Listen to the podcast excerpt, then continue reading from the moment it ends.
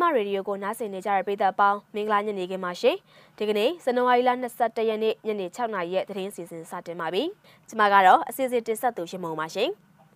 နိုင်ငံခေါင်းဆောင်တွေအပေါ်ဆွဲဆိုထားတဲ့အဂတိမှုတွေအတွက်ကြားနာဖို့အတွက်တရလူပြတ်တဲ့ဒေါက်တာတန့်တော်ကောင်ရောက်မလာခဲ့တဲ့အတွက်ရုံးချင်းကိုရွှေ့ဆိုင်းလိုက်ရတယ်ဆိုတဲ့သတင်းတိတိတ်ရစီကျွော်မှာရှိတဲ့စစ်ကောင်စီတပ်ဖွဲ့ဝင်တွေတိုက်ခိုက်ခံခဲ့ရတာဖြစ်ပြီးတော့စစ်သား15ဦးခန့်တေဆုံးခဲ့တယ်ဆိုတဲ့သတင်း မင်္ဂလာတုံလေးတက်စခန်းဘုံနဲ့တိုက်ခိုက်ခံရတာဖြစ်ပြီးစစ်ကောင်စီတပ်ဘက်ကလေးဦးအပြင်းထန်ဒဏ်ရာရရှိခဲ့တဲ့သတင်းတွေအပါအဝင်တခြားစိတ်ဝင်စားဖွယ်ကောင်းတဲ့သတင်းတွေကိုတင်ဆက်ပေးဖို့ရှိနေပါတယ်။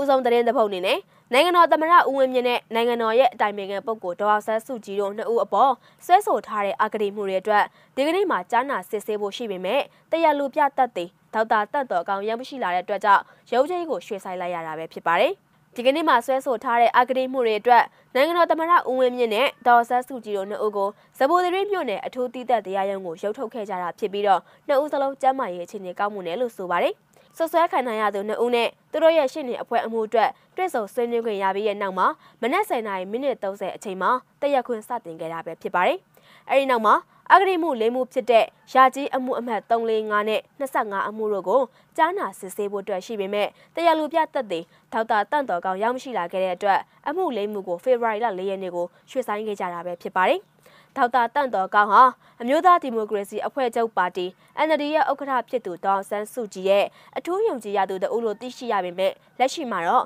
စစ်တပ်ဘက်ကတရလူပြသက်တွေလာရောက်ထွက်ဆိုခဲ့သူတဦးပဲဖြစ်ပါတယ်။အဲဒီနောက်မှာသမရဦးဝင်းမြင့်နဲ့ဒေါက်ဆန်းစုကြည်တို့နှစ်ဦးကိုတိချဆွဲဆိုထားတဲ့တဘာဝဘေးအနေနဲ့ကြိုတင်ကာကွယ်ရေးအတွက်ရဟတ်ရင်တုံးဆွဲမှုအပေါ်ဆွဲဆိုထားတဲ့အဂတိပုံမှန်၅မှုအနက်၃မှုကိုဆက်လက်စစ်ဆေးခဲ့တာပဲဖြစ်ပါတယ်။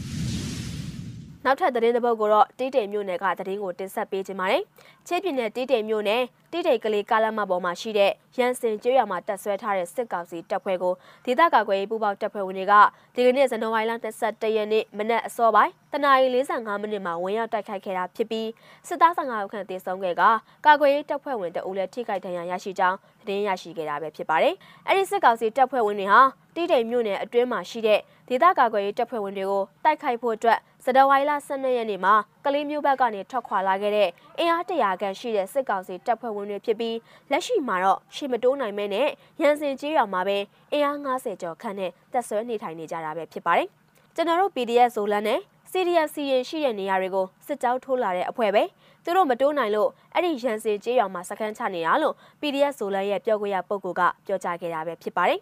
အဲ့ဒီကလေးတိတိတ်လမ်းပိုင်းမှာဇန်နဝါရီလ23ရက်နေ့ကနေစတင်ပြီးတော့တိုက်ပွဲတွေစတင်ပြစ်ထန်ခဲ့တာဖြစ်ပြီးစစ်ကောင်စီတပ်ဖွဲ့ဝင်20ဦးထပ်မံတင်ဆုပ်ထားပြီးပဲဖြစ်ပါတယ်။အထိနာနေတဲ့စစ်ကောင်စီတပ်ကစကိုင်းတိုင်းနဲ့ချင်းပြည်နယ်အဆက်ခိုက်ကမ်းမြို့မှာရှိတဲ့တက္ကသိုလ်မှာတက်ဆွဲထားတဲ့အမြောက်တပ်ကနေလက်နက်ကြီးတွေနဲ့ပစ်ခတ်ခဲ့တာဖြစ်တယ်လို့လေကြောင်းကနေတစလဲပစ်ခတ်တိုက်ခိုက်တာတွေကိုလှုပ်ဆောင်ခဲ့တာပဲဖြစ်ပါတယ်ရှင်။ဆက်လက်ပြီးတော့ မင်္ဂလာတုံလေတက်စခန်းဘုံနဲ့တိုက်ခိုက်ခံရတဲ့တဲ့တင်ကိုတင်ဆက်ပေးခြင်းပါတယ်။ရန်ကုန်တိုင်းမင်္ဂလာတုံလေတက်စခန်းဒီကနေ့ဇန်နဝါရီလ22ရက်နေ့နေ့လယ်7:55မိနစ်အချိန်မှာဘုံနဲ့ပြစ်ခတ်တိုက်ခိုက်ခံရပြီးတဲ့နောက်စစ်ကောင်စီတပ်ဘက်က၄ဦးအပြင်းထန်ထိခိုက်မှုဖြစ်ပွားခဲ့တယ်လို့ဒေသခံတွေကပြောကြားခဲ့တာပဲဖြစ်ပါတယ်။ဘုံပေါက်ပြီး15မိနစ်လောက်ကြာတော့လူနာတေယူနေနှစ်ခေါက်လောက်လာတာတွေ့တယ်။စိုက်ကယ်ဂိတ်ကစစ်သားတယောက်နဲ့အတွင်းက3ယောက်ထိရလို့ကြားတယ်ဆိုပြီးဒေသခံတအုပ်ကပြောကြားခဲ့တာပဲဖြစ်ပါတယ်။အဲ့ဒီဖောက်ခွဲမှုကိုလှုပ်ဆောင်ခဲ့တဲ့ DRF အဖွဲ့ကတာဝန်ရှိသူတို့ကလည်းမင်္ဂလာတုံလေးတက်စခန်းအဓိကဝင်ပေါက် main gate ပေါက်မှာစစ်ကောင်စီလက်အောက်ခံစစ်သား6ဦးတစုတစည်းတည်းရှိနေခဲ့တဲ့အတွက်ထိခိုက်မှုတွေရှိမှတေချာကြောင်းမြစ်စမကိုအတည်ပြုပြောကြားခဲ့တာပဲဖြစ်ပါတယ်။နောက်ဆုံးသတင်းတပုတ်အနေနဲ့ရကုန်တိုင်းမြောက်ကလာပါမြို့နယ်နဲ့ရွှေပောက်ကံမြို့တစ်အတွင်းမှာရှိတဲ့ရက်ကွက်တွေမှာဒီကနေ့ဇန်နဝါရီလ22ရက်နေ့နောက်ဆုံးထားပြီးတော့ရေမြောင်းကျော်စောက်လုပ်ထားတဲ့ ဆိုင်က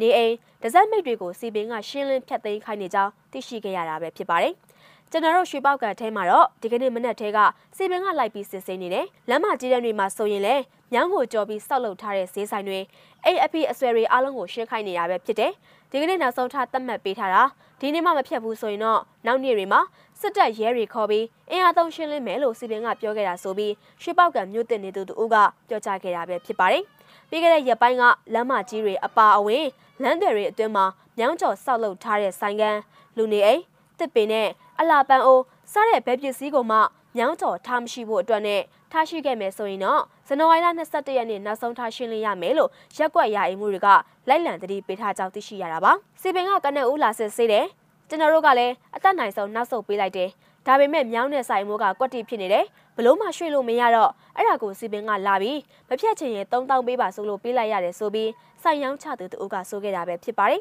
အရင်ကကားလမ်းမကြီးဘေးမှာရှိတဲ့ရေမြောင်းကျော်ဆိုင်ခန်းတွေလူနေအိမ်တွေလမ်းမေးကုန်းရဆိုင်ခန်းတွေကိုစီပင်နဲ့ရဲစစ်တပ်ပါဝင်တဲ့အဖွဲ့ကလိုက်လံဖမ်းဆီးမှုတွေရှိခဲ့တာဖြစ်ပြီးတော့အခုအခါမှာလူနေအိမ်ရက်ကွက်တွင်းမှာရှိတဲ့လမ်းတယ်တွေကိုလိုက်လံစစ်ဆေးနေကြတာပဲဖြစ်ပါတယ်ရှင်။